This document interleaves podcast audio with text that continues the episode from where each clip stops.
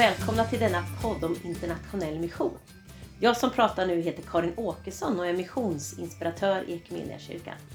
Det här avsnittet handlar om kallelse och jag har mött Christer Gunnarsson och Nicolina Lopez. Christer har arbetat som missionär både i Ecuador, Spanien och i Sverige. Och Nicolina har flera gånger varit i Ecuador och hon bär på en kallelse och längtan att få jobba i mission. Vi har pratat om att vi alla är kallade till Jesus och också sända av honom. Hur man kan uppfatta och pröva en kallelse och församlingarnas viktiga plats och funktion är att se och bejaka människor. Ni kommer också få höra om en kartongbit i kollektboxen och om att göra orden ifrån Jesaja 6 och 8 till sina. Se, här är jag, sänd mig.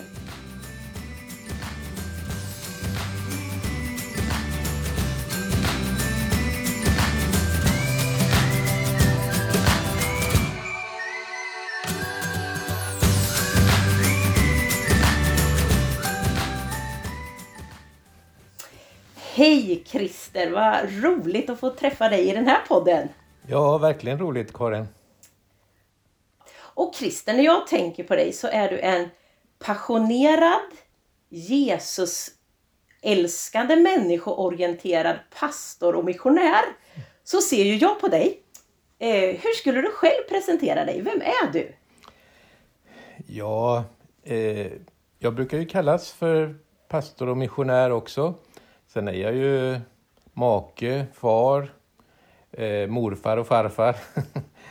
och, och, det är ju viktiga saker alltihopa. Men eh, ibland blir man ju definierad av vad man gör och ibland kanske man tänker på vad man är. Men eh, jag har ju arbetat som missionär både i Sverige och utomlands, brukar man ju säga. Och eh, jag har varit pastor på ett par platser i Sverige också. Och var är din senaste utlandstjänstgöring eller vad man ska kalla det? Ja, det har ju varit i Spanien då. Eh, sen 2007 kan man väl säga. Eh, då Lisbeth och jag flyttade ner. Började med en lärjungaskola och sen fortsatte med församlingsutvecklingsarbete och ett projekt som handlade om eh, migranter då från Latinamerika, framförallt Ecuador, till Spanien. Det var ju den senaste utlandsplaceringen. Sen har vi ju varit i Ecuador i flera perioder, sammanlagt 14 år. Och eh, i Sverige har vi ju bott i Stockholm, i Husby, i åtta år sammanlagt. Och i Tuve har jag varit pastor i sex år. Så det är väl lite sammanfattning av livet på det sättet. Härligt. Och nu har ni landat nere i Falkenberg. Ja, just det. Det stämmer va? Ja. Trivs ni nära havet? Ja, det gör vi. Eh, det är klart att det är skillnad så här på vintern. Eh, när det är både mörkt och, och lite kallare. Man kan ju inte gå ner och bada precis. Eh, men man kan gå ut och promenera både i skog och vid stranden och vid ängar. Det är väldigt fin natur runt omkring här. Härligt. Christer, den här podden kommer ju handla om kallelse och då ett särskilt fokus på mission, internationell mission. Men jag vet ju att du många gånger har pratat om både här och där. Och i slutet av din tjänst, liksom, när du var avlönad inom Equmeniakyrkan, så jobbar ju du som församlingsutvecklare både här och där. Kan inte du säga något kort om det där? För det där är spännande att vara missionär både i Sverige och utomlands samtidigt. Ja, jag har nog alltid tänkt så att missionär är man liksom var som helst där man är. Och eh, när vi kom hem från Ecuador då, 2004 så blev jag anställd som församlingsutvecklare i Skåne, Blekinge. Eh, eller om det var senare, nu kanske jag inte har rätt det här med årtalet, men i alla fall så var det som församlingsutvecklare i Skåne, Blekinge. Jag bodde kvar i Göteborg så jag reste ner dit och besökte församlingar och eh, arbetade tillsammans eh, eh, med Bengt Åkesson som eh, var församlingsutvecklare där också. Och eh, samtidigt då så kom jag in i det här med Spanien, eller fortsatte att jobba med Spanien. Och eh, för mig var det väldigt naturligt att jobba, om det var i Altea eller om det var i Conit eller på något annat ställe i Spanien. Eller i eh, Karlskrona eller i Hör eller vad det nu kan ha varit, Perstorp kanske. Det var ungefär samma sak och det var väldigt intressant att just vara i Perstorp då, en liten plats som behövde utvecklas och samtidigt jobba i Altea i Spanien. Därför att det kunde finnas mycket likheter även om det fanns olikheter också naturligtvis. kunde församlingen i Perstorp uppleva det att de kunde få inspiration och eh, idéer ifrån det här sammanhanget som var ganska likt men i Spanien? Ja, jag tror inte att jag kanske så ofta talade om just att jämföra de två platserna, även om det kunde hända någon gång. Men jag tror att jag själv bar med mig eh, olika delar av församlingsutveckling i Spanien då, som jag kunde föra in i Perstorp och vice versa. Eh, det blev en dynamik i det tror jag som var väldigt spännande. Och sen kan jag väl tillägga också att jag tycker det är spännande att under en senare tid sen så kom just Bengt Åkesson också in i församlingsutvecklingsarbete i Ryssland samtidigt som han har jobbat i Skåne, Blekinge också som församlingsutvecklare. Så att vi två har ju på något sätt personifierat det här att det går att jobba både här och där kan man väl säga. Tänker du att församlingsutveckling i Sverige skulle kunna få en kraft genom att man kopplar ihop sig med församlingar i andra delar av världen? Ja, absolut, det tror jag. Jag tror att eh, egentligen handlar det om samma sak. Det kan vara att, att eh, det är som en planta då, att återplantera brukar vi prata om. Att man, man eh, måste gräva runt den där plantan, man måste göda, man måste vattna, man måste vårda det här. Och eh, ytterst så handlar det ju om människor. Och eh, jag tror alltså att, att eh, kunde vi se det i Sverige, att vi har liknande situationer här som där då på andra håll i världen, så tror jag det skulle föra in en, en dynamik och en kraft i församlingsutveckling i arbetet på många håll. När jag lyssnar till dig Christer så blir det ju ganska uppenbart att kallelsen är inte i första hand till en plats eller till att göra någonting utan kallelsen är till Jesus. Och så följer man honom och så kan man göra lite allt möjligt både här och där. Har jag uppfattat dig rätt då? Ja, det, det är nog verkligen så. Och, eh, eh för mig har det väl sett ut så ända från barndomen, under tonåringen, som vuxen att det har varit en kallelse till Jesus. Jag fick ju med mig det i min egen familj kan man väl säga. Eh, och även då under uppväxtåren. Och sen ända längre tillbaka faktiskt. Min, mina föräldrar, min far var pastor och så vidare och väldigt engagerad i olika församlingsuppgifter. Och min farmor var evangelist i det gamla som hette Helgelseförbundet på sin tid och eh, gick ut som evangelist 1911 tillsammans med en kamrat och jobbade faktiskt i Kolmården, eh, i Krokek, Ålberga, andra sådana här platser som en del kanske känner till. Eh, det är mina hemmatrakter nästan. Ja, så att där fanns ja. ju liksom den här tanken att man ger sitt liv till Jesus, det är det viktigaste. Sen kan ju det ta sig många olika uttryck. Min far till exempel arbetar under sitt liv i väldigt olika uppgifter kan man väl säga. Han var, musik var väldigt betydelsefullt och sen också radiomission och mission överhuvudtaget. Han var engagerad i, i MAF, missionsflyget och så här. Och, och det, det är klart att det påverkade mig också. Men, men i första hand är det som du säger, det är en eh, relation till Jesus.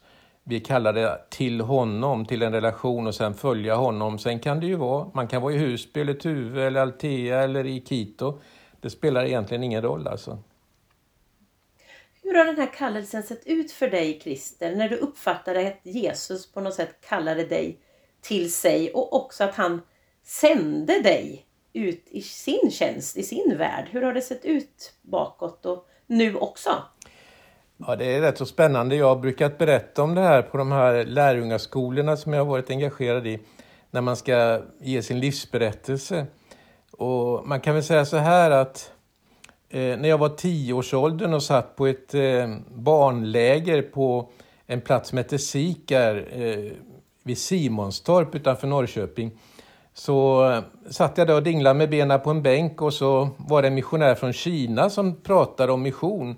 Och plötsligt så kom liksom i min tanke, jag ska bli missionär. Då var jag tio år alltså. Eh, och sen när jag var tolv år så jag växte upp i en församling i Skövde. Eh, den tillhörde på den tiden Örebromissionen. Och då, då var det en missionär hemma från Indien. Och hon berättar om sitt arbete i norra Indien och så skulle man ta upp kollekten eh, till mission då, en insamling. Och jag började leta i mina fickor, jag hade inga pengar med mig. Och, och till slut så hittade jag en kartongbit och en, en penna, en blyertspenna. Och så skrev jag på den här kartongbiten, jag har inga pengar till missionen men jag vill ge mitt liv till missionen. Och så la jag den i kollekten. Och då var jag 12 år. Och sen i 15-årsåldern så bestämde jag mig för att jag ska läsa spanska på gymnasiet. Det var inte så vanligt på den tiden, det är ju ett tag sedan. Så att, eh, men jag började läsa spanska för jag var helt förvissad om att jag skulle bli missionär i ett spansktalande land. Och sen så mötte jag ju Lisbeth och hon hade en personlig kallelse. Men hon var väldigt klar över att det gällde Ecuador då. Och där talar man ju spanska så att det passade ju för mig också. så vi hamnade i Ecuador och eh, det intressanta är att när vi skulle åka ut och vi var 24 år, Lisbeth och jag, så hade vi ett avskedsmöte i min hemförsamling i Skövde och då när vi stod där och sjungit och berättat lite så stack pastorn ner handen i sin ficka och så tog han upp en kartongbit. Och så sa han, det blev så Christer, eller hur? Då hade han sparat den där kartongbiten som jag la i kollekten 12 år innan. Eh, och, och, på något sätt så blev ju det en bekräftelse också. Församlingen ställde sig bakom och, och vi blev bekräftade av andra människor i vår kallelse. Och, så det har ju alltså funnits någonting väldigt personligt och nära och en ganska tydlig övertygelse. Ibland var jag lite rädd för att säga att jag skulle bli missionär i skolan på högstadiet till exempel. Så, där. så då sa jag, jag tror jag ska bli lärare, sa jag. Jag tyckte om att det här med undervisning och så tyckte jag var roligt. Så att, det sa jag då, men så småningom så blev jag lite mer frimodig och sa att nej, jag ska nog bli missionär i alla fall. Wow, jättestarkt. Tack att du delar. Oerhört starkt. Att också se hur Gud verkligen har varit med ända sedan du var en liten pojke som både satt och dinglade med benen där på sikan men, men också i en, en kollekt där du faktiskt får ge dig själv. Tack Christer, oerhört inspirerande. Vad skulle du vilja säga till en ung människa som idag kanske brottas eller funderar på detta om man har en kallelse till tjänst som missionär eller ut i mission eller internationellt arbete? Jag tror jag skulle säga så här att lyssna först och främst till Jesus.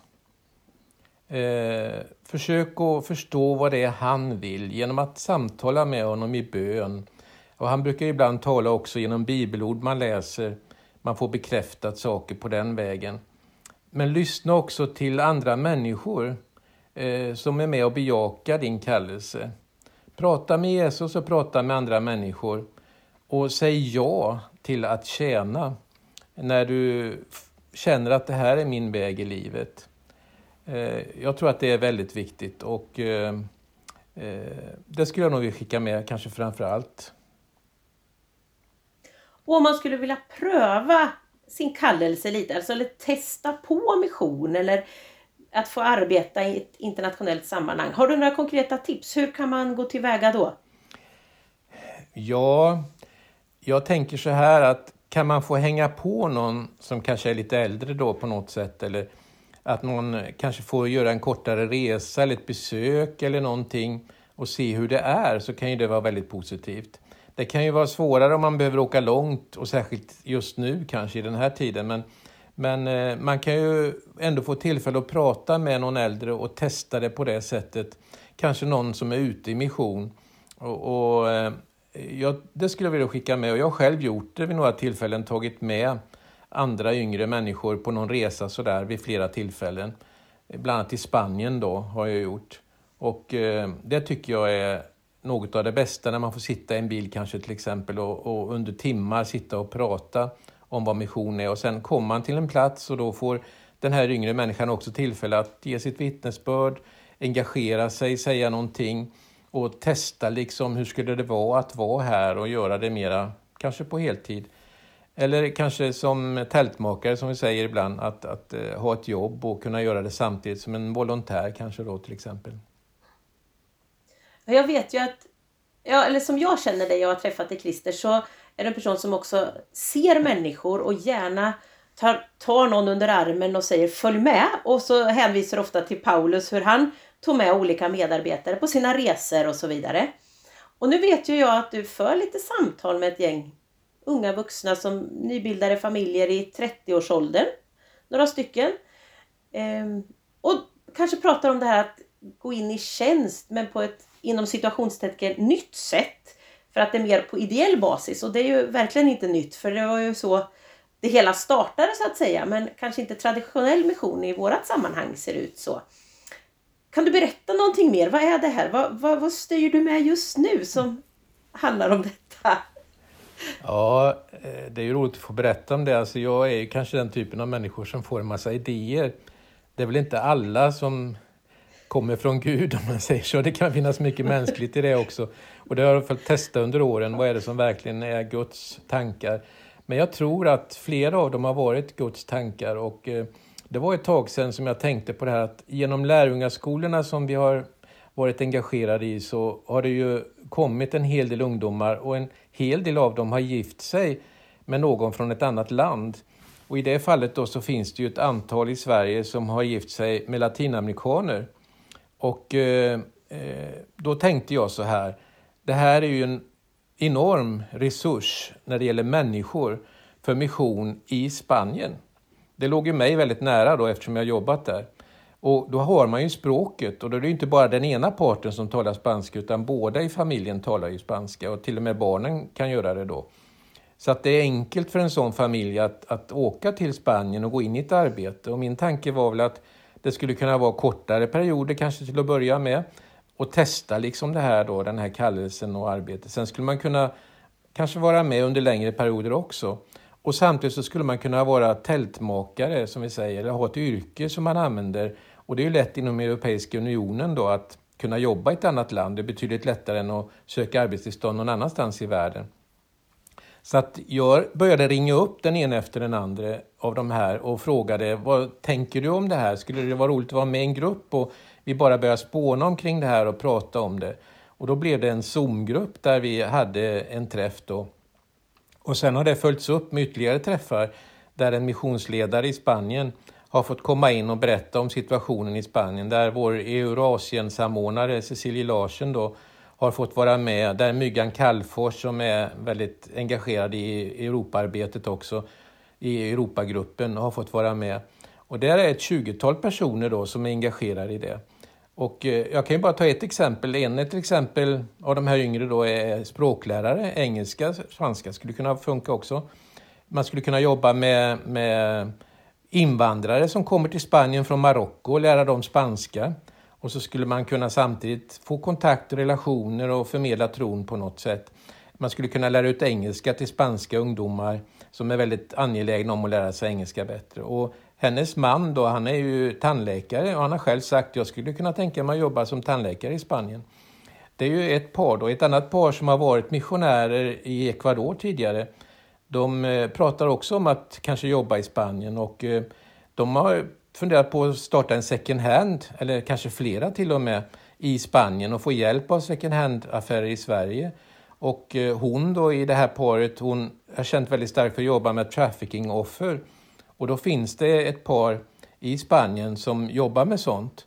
Eh, och då, då vill de knyta an till det. Så att tanken är väl att försöka koppla ihop dem med ledare i kyrkan i Spanien, med platser där det funkar. Och eh, om man ska vara lite frimodig så har jag tänkt så här att eh, Hudson Taylor på sin tid, han sa om jag hade tusen liv, då skulle jag ge dem till Kina. Och sen så ville han ha tusen missionärer till Kina. Och han fick det. Han fick 600 utländska missionärer och 400 inhemska missionärer som gick in i inlandet av Kina och arbetade. Jag har nog inte riktigt lika stor tro som Hudson Taylor, men, men jag har bett om 100 missionärer till Spanien. Och eh, man kan väl säga att vi har ett litet gäng i Ecuador som är på gång och vi har ett gäng i Sverige som är på gång, så att vi kanske är uppe i en 25-30 nu som pratar om att jobba i Spanien och då känns det inte riktigt lika avlägset att tala om hundra medarbetare som kommer och, och, står sida vid sida med spanjorer och jobbar i mission i Spanien. På det här sättet, kanske gärna som tältmakare som gör det utifrån ett yrke eller med stöd naturligtvis också av kyrkan i Sverige och på andra håll i världen. Ja, vad fantastiskt att höra. Det är så uppmuntrande Christer. Och för mig blir det ju så tydligt att du lever i din kallelse till Jesus och du samtalar med honom och idéer ploppar upp och du fortsätter fast du inte har en, en eh, lön så att säga. Du får inget lönebrev. Så det har ingenting med det att göra utan du lever i din kallelse och det är, tänker jag, en utmaning både till oss som är medelålders och som är i din ålder nyblivna pensionärer med mycket kraft och inspiration fortfarande. Det är alltid uppmuntrande att prata med dig tycker jag Christer. Eh, spännande! Det är på gång lite i Spanien alltså. Du har tagit tag, precis som Paulus, i några som du ser och tar, håller dig nära. Jag kan ju berätta att eh, till exempel det är en kille från Ecuador som var i Sverige på besök. Honom tog jag med tillsammans med min egen son då, eh, ner till Ceuta i en enklav i Nordafrika som tillhör Spanien. Och den här ekvatorianske killen han fick se till exempel arbetet med immigranter då från Nordafrika och andra delar av Afrika som kommer via Ceuta till Europa. Och min egen son då, han, han har ju drömt om att kanske jobba i Spanien också på något sätt. Och eh, han fick se det här och vi såg bland annat en, en gammal basilika som finns kvar, ruinerna av från 400-talet i Ceuta. Och det där väckte tankar om att detta Nordafrika som en gång hade kristna församlingar som ett pärlband över hela den, det området, men som försvann under en period, skulle på nytt kunna bli ett område som är präglat av mission. Kanske från Spanien. Så det var ett sånt där tillfälle när ett par unga människor fick följa med. En annan gång så var det en familj som från Sverige flyttade ner för att jobba i Ceuta. Och de körde en flyttbil ner. Och så skulle den bilen hem ju. Och då erbjöd jag mig att köra hem den tillsammans med en, en kille som också är från Ecuador, gift med en svenska. Eh, det är faktiskt någon som är med i den här podden tror jag också idag. Eh, hans fru. Så Daniel och jag, vi körde hem den här bilen och vi satt alltså under ett par, tre dygn och pratade om både det ena och det andra. Naturligtvis sov vi någon gång emellan också. Men, och han fick följa med till ett par, tre platser i Spanien och se eh, hur missionsarbete pågår där. Och det tredje jag skulle kunna nämna kort är också en kille från Iran som kom som flykting till Sverige under eh, flyktingkrisen 2015 eh, och hade redan kommit till tro i sitt hemland faktiskt. Men, men eh, han bekräftade sin tro med dopet i Sverige och eh, blev medlem i en församling som du har nära anknytning till Karin eh, och jag också hade under en period. Och honom tog jag med på en resa till Spanien. Jag tror det var fem eller sex platser han fick berätta om att han som muslim hade blivit kristen och vad det hade betytt för honom. Och då fanns det många i Spanien som tänkte, kan människor med en sån bakgrund bli kristna? Eh, och för dem var det någonting nytt och väldigt spännande som blev bekräftat genom den här unga människan. Och vi hade ju också timmar i bilen att sitta och prata med varandra. Så att eh, det är lite så, tänker jag också, att, att eh, det får vara ibland.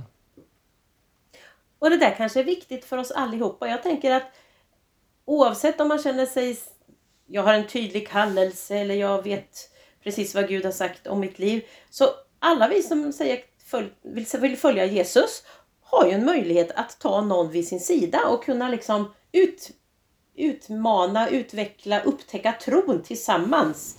Jag tror att precis som du, vi behöver stå mer och mer sida vid sida oavsett om man är pastor eller bonde eller sjuksköterska så, så har man något att ge och investera in i en annan människa. Att vi behöver varandra, inte minst i den här tiden då det är svårt att mötas till gudstjänst. Mm. Så behöver vi detta.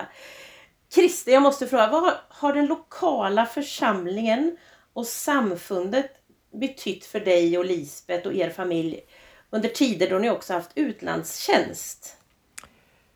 Ja, det har varit väldigt, väldigt viktigt eh, för oss att ha en familj som vi tillhör, en kristen familj, även här hemma. Och naturligtvis dit vi har kommit också. Eh, I, I Sverige kan man säga att det har funnits flera församlingar som har stått bakom oss i offrande och förbön och haft kontakt med oss när vi har varit ute. Och det har varit väldigt betydelsefullt, liksom att ha ett sammanhang man tillhör och där man kan bolla saker, man kan få råd, man kan, man kan få stöd när man behöver det och man kan också inspirera till fortsatt mission. Så det har varit väldigt betydelsefullt för oss, verkligen. Och det är ju inte bara individer som får en personlig kallelse utan församlingen, kyrkan, Kristi kropp har en kallelse att finnas i hela världen och knyta ihop med, med syskon i andra delar av världen. Och det är ju de som är missionärer, tydliga sådana här synapser som kopplar ihop oss i Kristi kropp utöver världen. Så församlingen har ju en tydlig kallelse till mission, internationellt arbete. Ja, absolut. Vad skulle du så här i slutet av det här samtalet vilja skicka med gällande kallelsen att se och bejaka människor som bär på en kallelse? Eh, till den lokala församlingen exempelvis. Eller till den enskilda människan som står i de här frågorna. Jag tror att det är livsviktigt för den kristna församlingen som ju är Guds kyrka i världen att lyssna till dem som uttrycker en kallelse. Be tillsammans med dem. Inte bara prata utan tala med Gud tillsammans med de här människorna. Att uppmuntra dem och också tillsammans med de som har en kallelse söka vägar att förverkliga den. Och då måste man vara väldigt praktisk. Man måste ta initiativ. Man måste kunna knyta ihop människor med sammanhang. Och sen tror jag precis som det nämns i Apostlagärningarna att anden, Guds ande, talar in i församlingen och bekräftar någonting. Och då handlar det om att den här personen har en kallelse själv, som till exempel Barnabas och Paulus hade, och som jag har haft och, och det finns många exempel på. Och den kan då bli bekräftad av församlingen. Och då ska vi inte vara rädda utan vara frimodiga.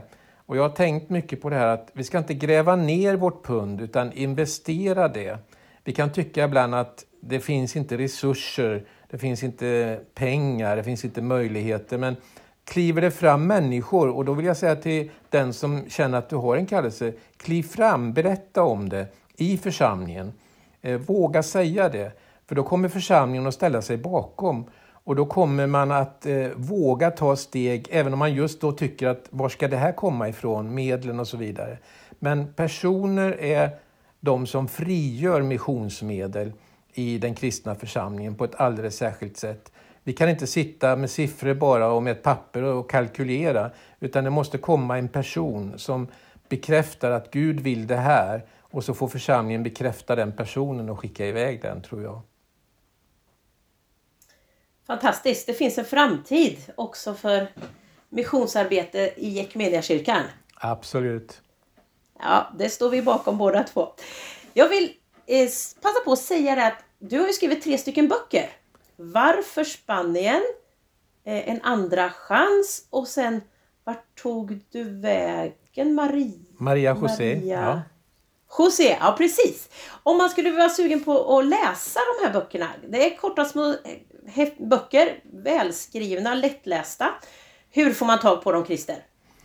Ja, man kan eh, gå in på en eh, hemsida som eh, rätt och slätt heter christergunnarsson.com. Alltså christergunnarsson ett enda ord.com. Och där finns de här böckerna presenterade och där finns en mejladress till info Ät ordfaglar, ordfåglar alltså, utan å då, det är a istället, ordfaglar, eh, .se. Och där kan man eh, beställa de här böckerna i så fall. Eh, och det är ju mission som är temat i dem kan man säga allihopa. Och jag tycker det också handlar mycket om kallelse, det, vad du har stått i under livet och människor du, ni har mött, du och Lisbeth och i de sammanhang ni har fått känna. Fem stycken snabba frågor så här avslutningsvis, Christer. En sång du tycker om som handlar om kallelse och tjänst? Ja, jag har en liten kör för som heter O min Herre och min Gud, du är ju Messias, den levande Gudens son. Vem skulle vi gå till? Du har ju det eviga livets ord. Herre, du vet allt. Du vet att jag älskar dig och alltid vill jag följa dig vart än du skulle leda mig. Och sen tänkte jag på den här, han ger mera nåd när din börda blir större. När arbetet växer med kraft vill han ge. När vi har nått botten av tillgångar egna, vår fader då endast begynt att ge ut. Som präglar precis det man kan uppleva som missionär ibland. Det bästa med Equmeniakyrkans internationella arbete? Jag skulle vilja säga att det har så stor spridning att kyrkan har bejakat församlingarnas kallelse att tjäna var som helst i världen och, och låter församlingarna på något sätt vara basen för detta. Det tycker jag är väldigt bra. En dröm för det framtida missionsarbetet? Ja, just detta att hjälpa unga människor först att bli lärjungar, sen träna dem, sen utbilda dem och sen sända dem. Senaste lästa boken? Ja, det är Gud, jakten av Joel Halldorf. som ju ger en skarp analys av vår samtid. Och det tror jag är väldigt viktigt för oss alla. Och varför internationellt arbete? Helt enkelt därför att annars är vi inte Guds församling. Vi ska gå ut i hela världen, sa Jesus. Så vill vi följa honom så ska vi vara missionerande i hela världen. Stort tack till dig Christer för ett eh, spännande och inspirerande samtal. Och jag önskar dig och din familj allt gott och Guds rika välsignelse.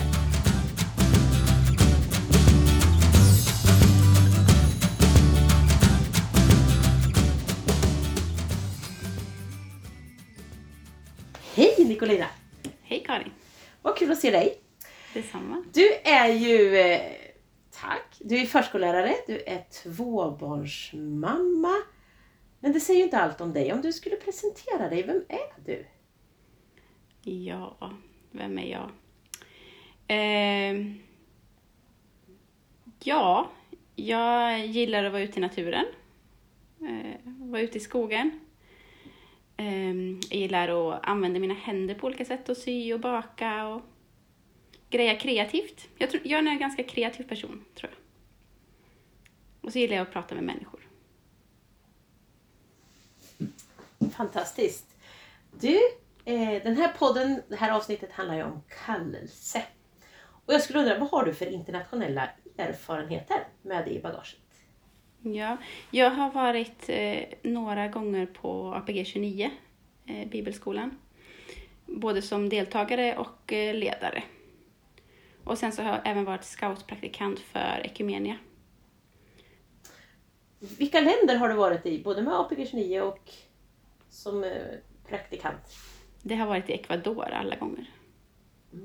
Har du en särskild förkärlek till det landet kanske? Ja, det har jag absolut. Ja. Där gjorde jag min första skola och så träffade jag också sen, eh, efter ett tag träffade jag min man. Så du är gift med en ecuadorian ja. Ja, det är jag. Härligt. Du, när jag säger ordet kallelse, vad tänker du på då? Eh, jag tänker att man är kallad till något.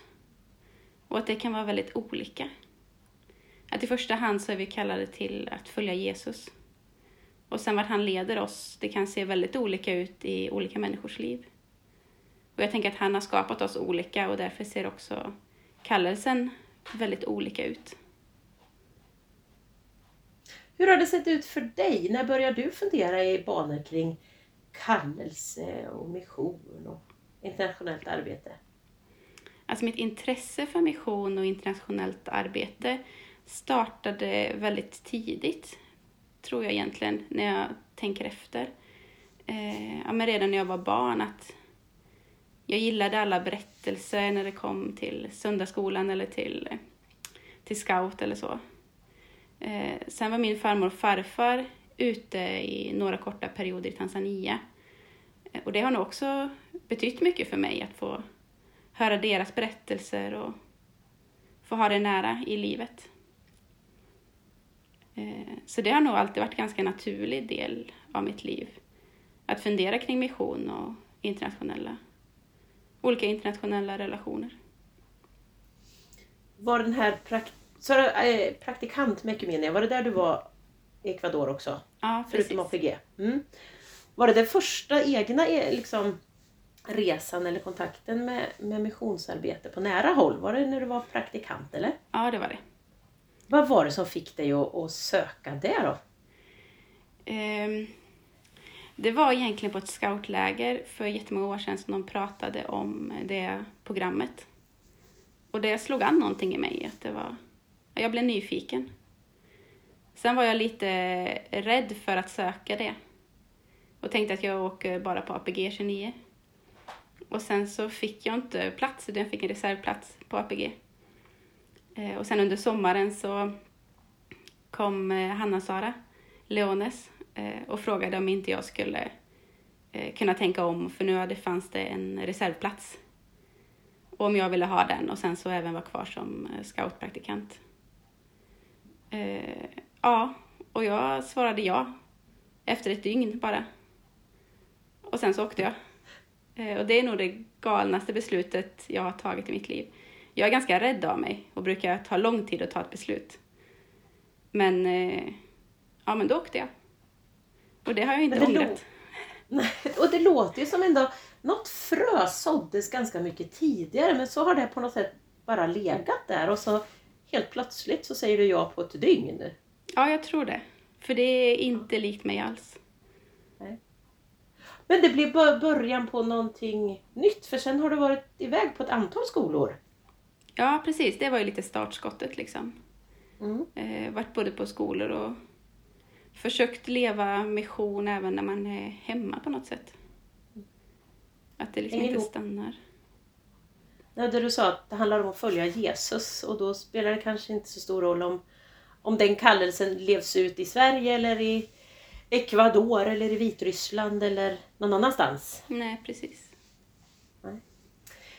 Jag tyckte du sa något viktigt där om att redan på scoutläger och i barngrupper så tyckte de om att höra berättelserna och när ni fick besök.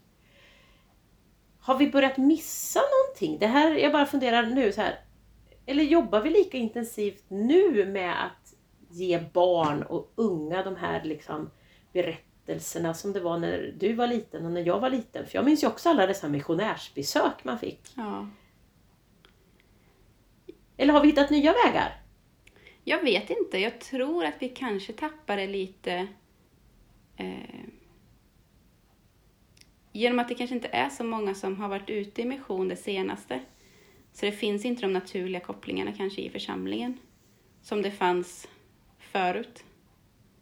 Eh, när det var väldigt, väldigt många ute i mission. Och då blir det kanske inte lika naturligt att bjuda in till, ett, till en scoutkväll eller en, till söndagsskolan eller så heller. Har du någon tanke om hur, hur skulle man kunna hitta, som i församling, för att prata kallelse eller för att hjälpa barn och unga att få möta de här frågorna? Och nu har vi ju inte hundra missionärer ute att bjuda in liksom.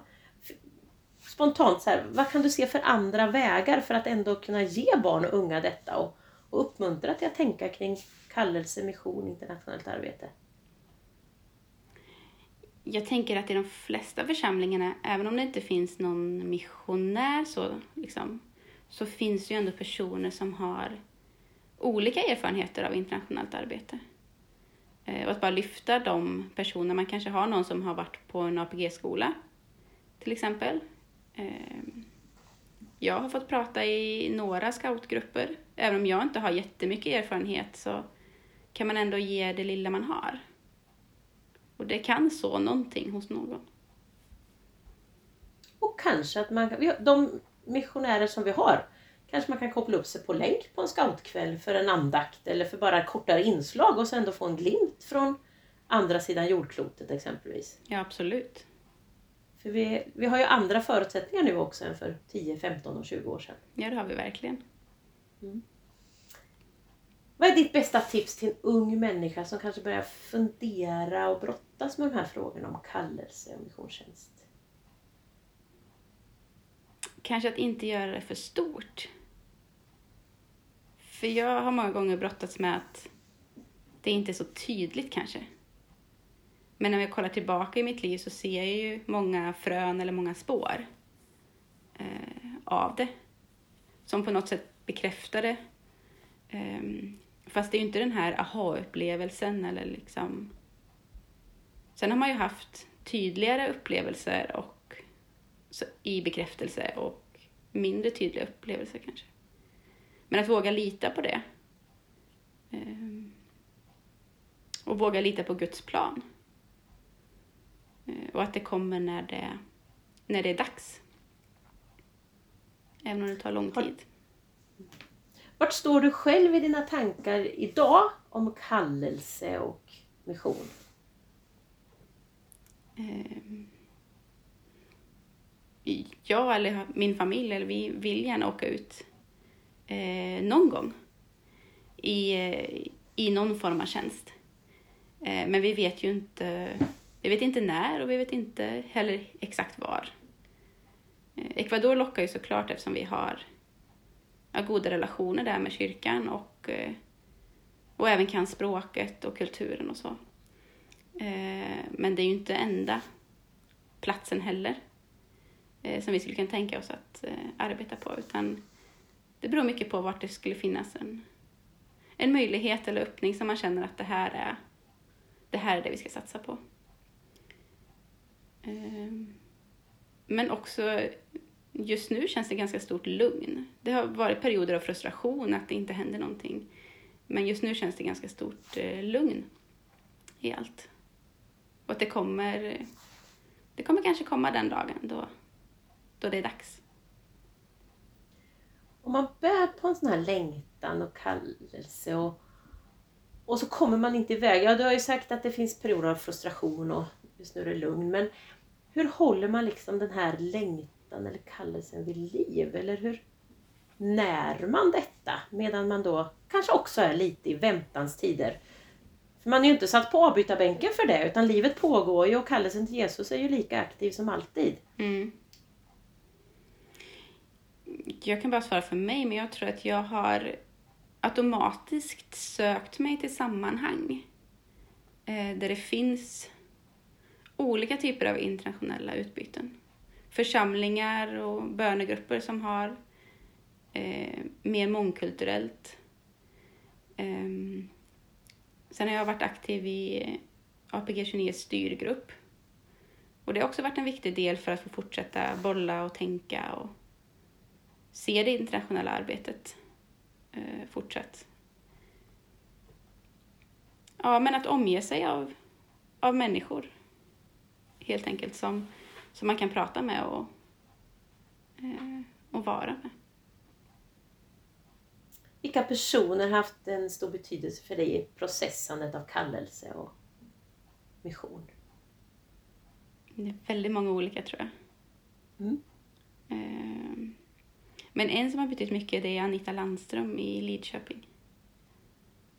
Hon eh, har alltid frågat och på något sätt brytt sig. Liksom. Och hon, eh, jag kommer ihåg första gången när jag skulle åka till Ecuador eh, på APG 29. Då kom hon hem och så hade hon med sig en eh, dagbok till mig. Där hon sa, det här ska du använda, ska du skriva ner här. Hur du tänker, hur du upplever och känner. Och så kan du ha det om några år. Och den har jag fortfarande kvar. Och bara den gesten, det är så, så fint liksom. Det visar på sån omsorg. Och hon hade även varit i Ecuador själv. Eh, på ett kortare besök. Och kunde då berätta lite om, om landet och, och så, så att jag fick lite ja, men chans att ställa frågor och bara samtala. Vad ser du församlingens uppgift i vad det gäller mission, kallelse och att se och bejaka unga människor och ja, kanske äldre och nyblivna pensionärer som kan ge sig ut på en volontärsperiod möjligtvis när det öppnar upp igen för att man kan resa och så.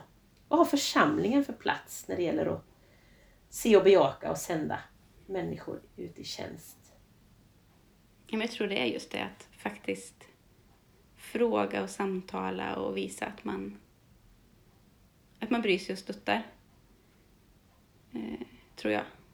Att människorna får, människorna i församlingen, att vi alla tar det ansvaret. Ja, för det är inte bara en individ som får en kallelse, tänker jag, utan det är vi som kyrka som har kallelsen och att stå tillsammans. Och så är det några som vi får sända ut. Men kallelsen är ju till hela kyrkan och mm. till de lokala församlingarna. Att man där hittar sin plats att få vara med. Och det är en stor välsignelse som församling att ha de här relationerna med människor som man sänder. Om det så är på en kortare APG 29 eller på en, en längre period. Ja. Verkligen. Du har ju nämnt APG 29 också några gånger och suttit med i styrgruppen. Vad, vad har det, på vilket sätt har det påverkat ditt liv? Mm, det var nog där jag faktiskt fick aktivt ta ett steg eh, och bestämma mig för. Vi hade en lärare som eh, pratade om, om mission.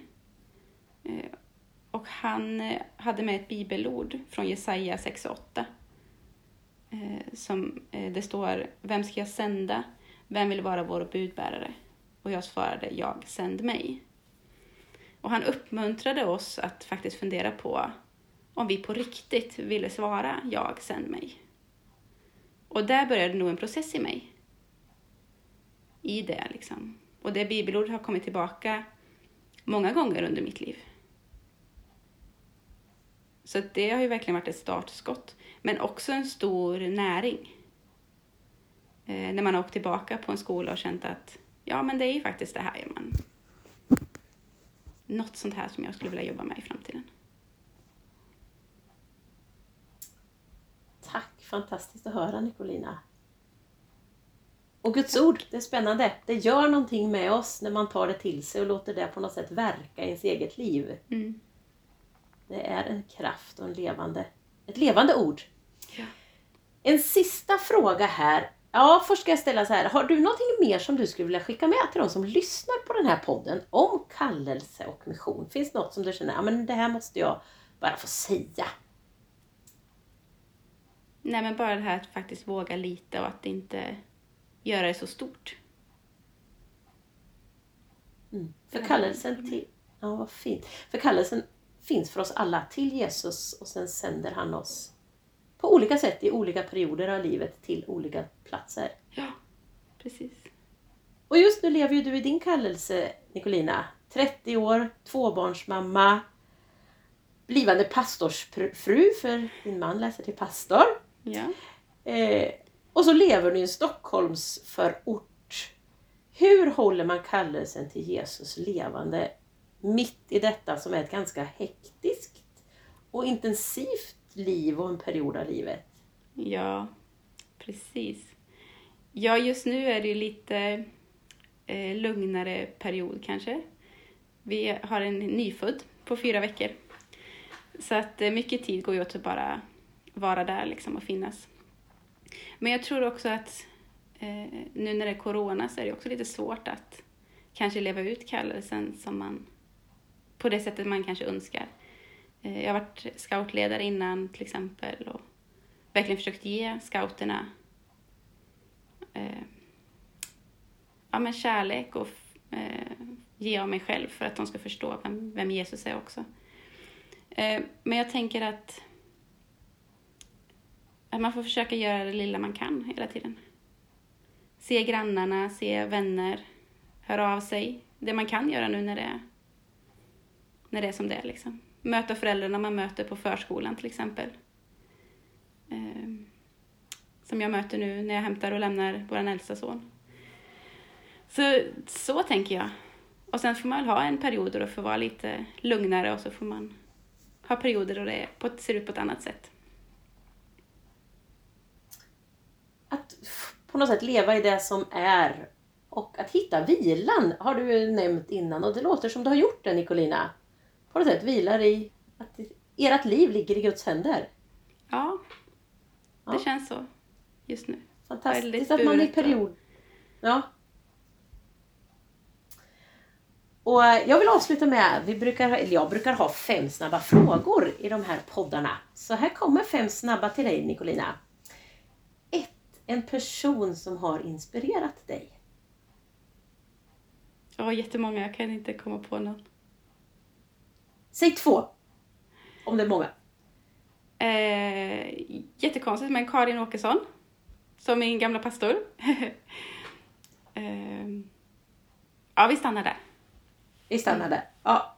Nummer två. En missionserfarenhet som påverkat dig.